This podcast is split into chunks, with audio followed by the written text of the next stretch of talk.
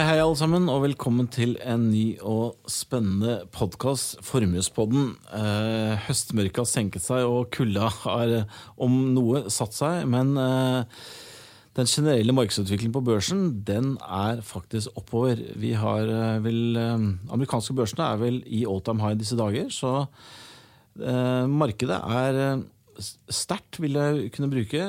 Og i dag som tema så har jeg satt opp en liten agenda. Eh, Til stede i dag er som vanlig Ingunn og Trum. Vi skal snakke litt om, den, eh, om markedsbrevet, selvfølgelig. eh, Generell markedsutviklingen. Vi skal snakke litt om dette med at rente- og obligasjonsmarkedet ikke helt henger med om dagen. Og så er det vanskelig å komme utenom det som kanskje har overrasket de fleste over ikke bare nå, men over flere år, at den norske kronen er historisk svak. Og Trym skal snakke litt om, om litt hvorfor han, hvorfor han tror, tror om dette er, og grunnen til det. Eh, og så skal vi snakke bitte litt, grann, vi skal touche innom eh, temaet som er hot om dagen, nemlig ESG. Hva sier du? Skal vi bare sette i gang? Det gjør vi. Yes, Trym. Eh, som sagt, som jeg innledningsvis sa, markedene er sterke om dagen. Amerikanske børsene er all time hop. Det fremstår litt for meg som at eh, det minste motstandsvei akkurat nå er oppover.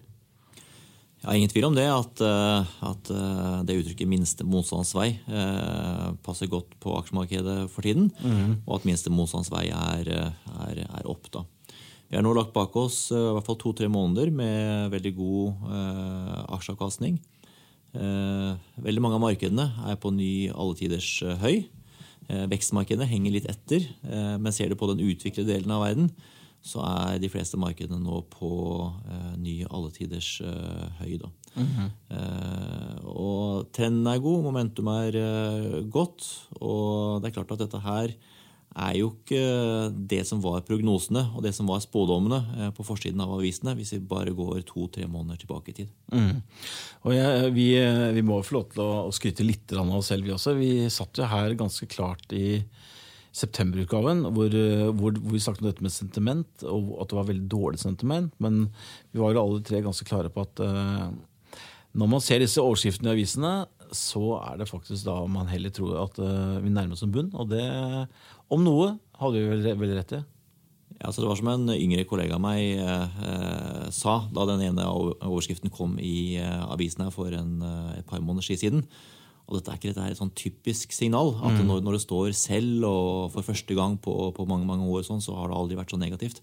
Er ikke det et signal at når en overskrift i avisen er så negativ, så, så, så burde man heller tenke litt uh, motsatt? Mm. og jeg vil ikke gjøre det til en sånn regel som alltid gjelder, men, men også denne gangen da, viser det seg at en forside i avisen det var ikke det beste signalet å, å handle på. altså Solgte du aksjer for to-tre eh, måneder siden, så, så, så har du gått glipp av eh, avkastning. Mm, og ganske mye også. Og Utenfor å nevne, nevne noen store aktører på det, men vi, vi, har, vi så jo også større aktører i markedet som ble litt skremt av denne handelsuroen etc., som, eh, som vekte seg ned nettopp i, i, i påvente av en eh, korreksjon som da ikke kom. Ja, altså det jeg tror man skal si om disse handelsutspillene og denne uroen knyttet til handelskonflikter og sånne ting, er at det eh, nok påvirker sentimentet, altså stemningen blant folk i markedet, mye mer enn foretakenes eh, inntjening eh, i, i neste kvartal. Mm. Så det kan godt tenkes at dette med handelskonflikter er et eh, tema som eh, vil vende tilbake til oss gang på gang eh, det neste tiåret. Mm. Men, men litt kortere sikt, altså neste kvartal, neste år, så tror jeg at uh, disse utspillene rundt uh, handel påvirker sentimentet eller stemningen i markedet mye mer enn uh, at det går så veldig mye utover kursene på, på, på lang sikt. Da. Men hvis vi også skal liksom grave litt ned i, i fakta for å finne ut hvorfor vi også har, har finne andre grunner til annet enn sentiment, så, så har det vært noen positive overraskelser Trym, også i forhold til på makrosiden. Ja, er det altså noen fra- som skiller seg ut, som du vil dra opp? Ja, altså sånn generelt. Eh, hvis vi går til det største stedet, Amerika, eh, USA, så ser vi der at eh, makrotallene som kommer derfra, eh, de skuffet veldig klart ved inngangen til 2019 og fram til sommerferien. Men siden sommerferien så har eh, tallene fra USA på, på marginen, da, eh, når vi teller opp veldig mange makrotall, så ser vi at makrotallene ikke lenger skuffer. Det er ikke negative overraskelser, som vi kaller det. Når det gjelder signaler litt fremover i tid om, om konjunkturutviklingen, så ser vi tentative positive tegn til, til, stabilisering og kanskje en bedring i global industriproduksjon. Mm. Og vi observerer også det at, at økonomien, momentum i økonomiene i eurosonen slett ikke er så dårlig som mange vil ha det til. Eh, faktisk så er det sånn at momentum eh, i eurosonen er vel så bra, om ikke bedre, enn i resten av eh, verden. Mm. Så det er to sånne små lyspunkter. Selv om det globale bildet fortsatt er negativt på konjunktursiden, så er det noen brister i denne veldig negative storyen på global konjunktur. Da. Og det er jo positivt som du snakket om til euroen, nettopp fordi vi har vært veldig mye fokus på dette med brexit og vært mye uro og usikkerhet rundt det.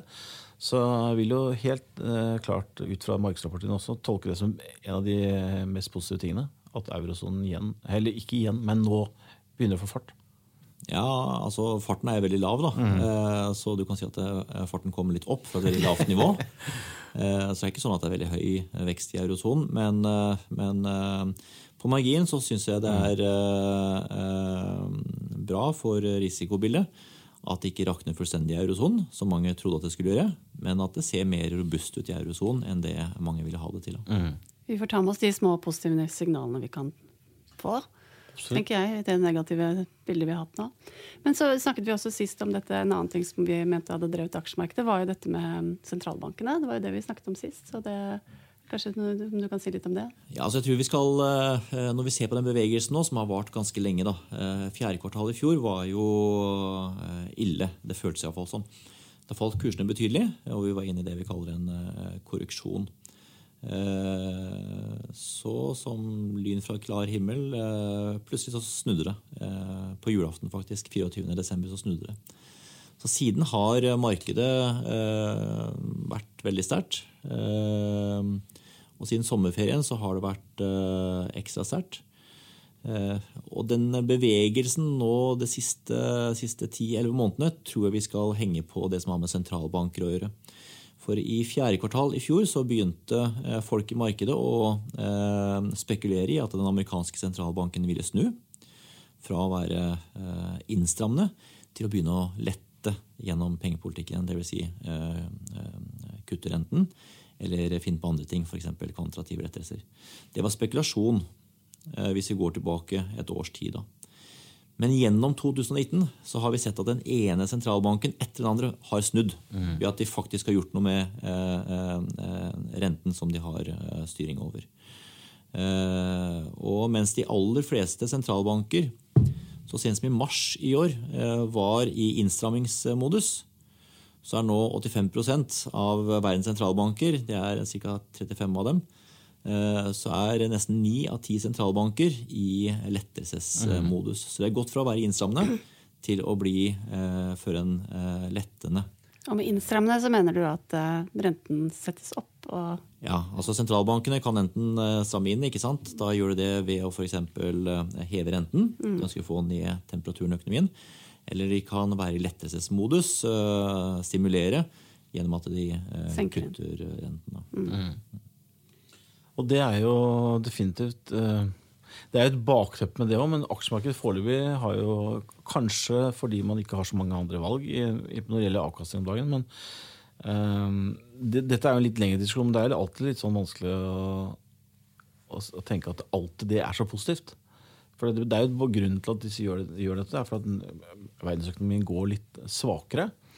Men uh, aksjemarkedet har en veldig tendens til å tolke en uh, rentesenkning disse dager som positivt. Ja, Det stemmer det at aksjemarkedet oppfører seg litt annerledes enn rentemarkedet når det gjelder rentekutt. rentekkutt. Uh, aksjemarkedet har en tendens til å bli mer begeistret og, og feie disse rentekuttene, mens, mens uh, obligasjonsmarkedet Eh, renteinvestorene kanskje ser litt lenger i fremtid, jeg vet mm. ikke. Men, men, men, eh, de priser gjerne inn eh, forventninger om rentekutt tidligere. Og blir ferdig med det tidligere mm. enn en aksjemarkedet som fortsetter på den mm. seiersrusen. Det, er jo, det har alltid vært litt sånn en sånn saying i markedet at liksom de rentepengene er liksom de smarte pengene, og, og aksjepengene er litt så litt, ikke dumme, men litt, litt mindre smarte penger. Så at, vi får se, men vi skal gå over til neste punkt, og da er jo nettopp dette med renter som vi skal snakke om. fordi eh, den delen som ikke er på festen, er jo nettopp både obligasjonsmarkedet og rentemarkedet. De holder seg fortsatt lavt. Eh, blir spennende å se om rentene klarer å krype litt oppover, men foreløpig har det vært veldig dødt. Eh, som et ord du brukte når jeg snakket med før sendetrim. Kan du ikke snakke litt om, om det? Altså, eh, lenge så gikk eh, renteinvesteringene akkurat samme vei som eh, aksjeinvesteringene. Altså, I av eh, i, i, første halvdel av 2019 så var eh, aksjemarkedet veldig bra. Men obligasjonsinvesteringene ga også veldig god avkastning. Risikojustert mm. bedre enn en, en, en aksjer. Eh, men de siste par månedene så har vi sett at eh, obligasjonsinvesteringer har kjølnet, eh, har koblet seg av og, ikke gitt noen avkastning i det hele tatt. Og vi ser også noen tentative tegn til det at renten har steget litt her og der i, i, i f.eks. For foretaksobligasjoner. Og, og, at ikke rentene fortsetter å falle, slik som mm. temaet var gjennom første halvdel av uh, 2019. Da. Vi har snakket mye om negative renter, og sånne ting, og det mm. gjelder fortsatt. Mm. Men ikke i like stor eh, grad. Og, og, denne trenden med negative renter har ikke fortsatt i like stor grad som, som, som tidligere i år. Da. Nemlig. Så Hva er årsaken til det, tror du? Er det at det er litt mer optimisme på gang? Det kan, uh, det kan være det. At uh, nå begynner aksjemarkedet kanskje å eh, prise inn noe som er mer eh, positivt, som har med konjunktur osv. å gjøre. Eh, og eh, hvis konjunkturene etter hvert blir mer positive, så, så, så, er det ikke gitt at rentene skal falle så mye. Mm. Og, og, og, dermed så kan man ikke spekulere lenger i at rentene skal fortsette å falle fra rekordlave nivåer mm. til enda lavere nivåer, og kanskje negative nivåer. Mm. Føles litt som at markedet tenker at uh, kanskje det, det verste er bak oss. Ja, det, kan, eh, det, kan, det kan føle litt sånn, men, men, uh, vi forsøker å forholde oss veldig objektivt og kaldt mm. til det som skjer. Uh, så nå kan det godt tenkes at markedet har gått litt eh, foran realitetene. Eh, men, men, de objektive eh, faktorene eller markedsgiverne som vi ser på, tilsier at det nå er riktig å ha et nøytralt forhold til risiko. Eh, men at vi ennå ikke er der at vi anbefaler overvekt. Eh, og vi skiftet, som, som vi har vært inne på tidligere, mm. vekten fra undervekt til, til nøytral tidligere i, i sommer. sommer. Da vi gikk fra juli til, til august. Men eh, ser du for deg at det er, hvis jeg får lov til å spørre om det, eh, uten at jeg har avklart det med deg på forhånd, Trym, men jeg har lov til å spørre deg om, er, ser du for deg at det er større sannsynlighet for at du går til overvekt enn til undervekt? Eller? Ja, altså det, eh, det, er noe som heter, for å bruke et engelsk uttrykk, altså 'don't predict the predictors'. altså, vi, har noen faktorer som vi ser på. Prøver å dra litt ut av og De skal forsøke å si noe om risikoen fremover mm. Eh, i, i, markedet. Men vi vil ikke falle for denne fristelsen og forsøke å gjette hvor disse driverne vil gå eh, neste måned. Mm. vi er mer der at vi observerer markedsdriverne. Mm. Og når de markedsdriverne eh, endrer seg, så sier vi jo 'when the facts change, I change my mind'. Mm. Men ennå så har ikke markedsdriverne endret seg i så positiv retning at en overvekt er, er, naturlig. Nei. Nemlig. Bra. Da skal vi touche innom den norske kronen, som uh, er et naturlig tema. Men det har det vært ganske lenge, og vi har snakket om dette i poden et par ganger før også, at uh, norsk krone er veldig svak. Og den er overraskende svak, er vel et riktig ord, i forhold til at alle, alle økonomer der ute har spådd at norske kronen skal opp. Men uh, de, de, jeg har faktisk lest noen de seneste rapportene. at den, Jeg husker ikke hvem det var noe som var ute og sa at de trodde kanskje norske kroner mot euro skulle opp mot 10,40 mot jul. Nå ligger den vel 10,15. men dette her er jo noe har, folk har prøvd å grave i lenge, Trym. Ehm, du har funnet noe som du syns var litt spennende? Ja, altså vi, jeg, vil ikke påstå at jeg har den uh, ene og endelige uh, forklaringen på hvorfor kronen er så svak. Uh, men det er et faktum at kronen mm. er så svak nå som den knapt har vært noen gang. Ehm, både mot dollar, men, men Norges Bank har en kroneindeks Eh, som bestemmes av eh, den, den eh, våre handelspartnere, sånn at de valutaene som veier tyngst, som vi, som vi handler med, utgjør mest av denne valutaindeksen. Og den valutaindeksen har aldri vært svakere for kronens del enn den er akkurat nå. Og hvorfor er det sånn at kronen er historisk svak akkurat nå? vel, hvis du, hvis du, ser på relaterte investeringer, eller relatert tema, nemlig oljeinvesteringer, energiinvesteringer, så ser vi at andelen energiaksjer i den amerikanske Standard Poor's 500-indeksen aldri har vært lavere enn det den er akkurat nå. Mm. Så det kan kanskje være noe her at det som er oljerelatert, det som er fossilrelatert, er nå helt ut. Mm. Det er upopulært, det er politisk ukorrekt, og da vil man ikke ha noe med oljeaksjer. Og kanskje er det sånn også da at da vil man heller ikke ha noe med en oljevaluta som den norske kronen. da. Så det kan være noe, noe, noe, noe der. Det, er litt spekulativt, men, men, men det er iallfall et sammenfall mm. i det at uh, andelen energiaksjer uh, i, i, i, ulike aksjeindekser aldri har vært lavere enn uh, en den er nå. da. Så det betyr at verdsettelsen av disse oljeselskapene er lavere enn den, enn de, på lenge? At det, mm. Ja, altså, altså øh, Oljeaksjer er, er øh, billige. Mm. Øh, billigere enn det de har vært før. Og billigere i forhold til hva man ikke, ikke, ikke, ikke historisk billig. Nei. Men, men det virker som om en del investorer nå skyr oljeinvesteringer. Og selv om oljeaksjer har blitt billigere relativt til andre aksjer, så er det ikke noe tegn til at folk kaster seg over disse energiaksjene eller olje, oljeaksjene. Da. Så egentlig så handles det om en rabatt i forhold til hva oljeprisen skulle tilsi? Uh, ja, man kan, man, man kan, si at uh, oljeaksjer fremstår som, uh, som, som billige nå. Ja. Mm. Mm. Jeg, har sett, og jeg har også sett flere uttalelser på dette med som også blir neste tema med ESG, at uh, vi ser at uh, investorene krever en, har et høyere avkastningskrav på den type investeringer nå enn det de hadde før. Og Nettopp derfor tror man at det skal bli billigere. For å henge det på noen punkter, noen tall, da, så kan jeg bare gi et lite tall i forhold til den en indeks i USA som heter OSX, som er Oil Service-indeksen i USA. Den handler i dag rundt, rundt 70 dollar, og den var i 180 i mai i fjor. Så den har jo basically overhalvert seg, mens børsen er på all time high. Så de har definitivt ikke vært med på, på børsoppgangen. Og jeg tror du har helt rett at det er en sammenheng. Jeg, og jeg har fulgt med på det lenge og sett det lenge.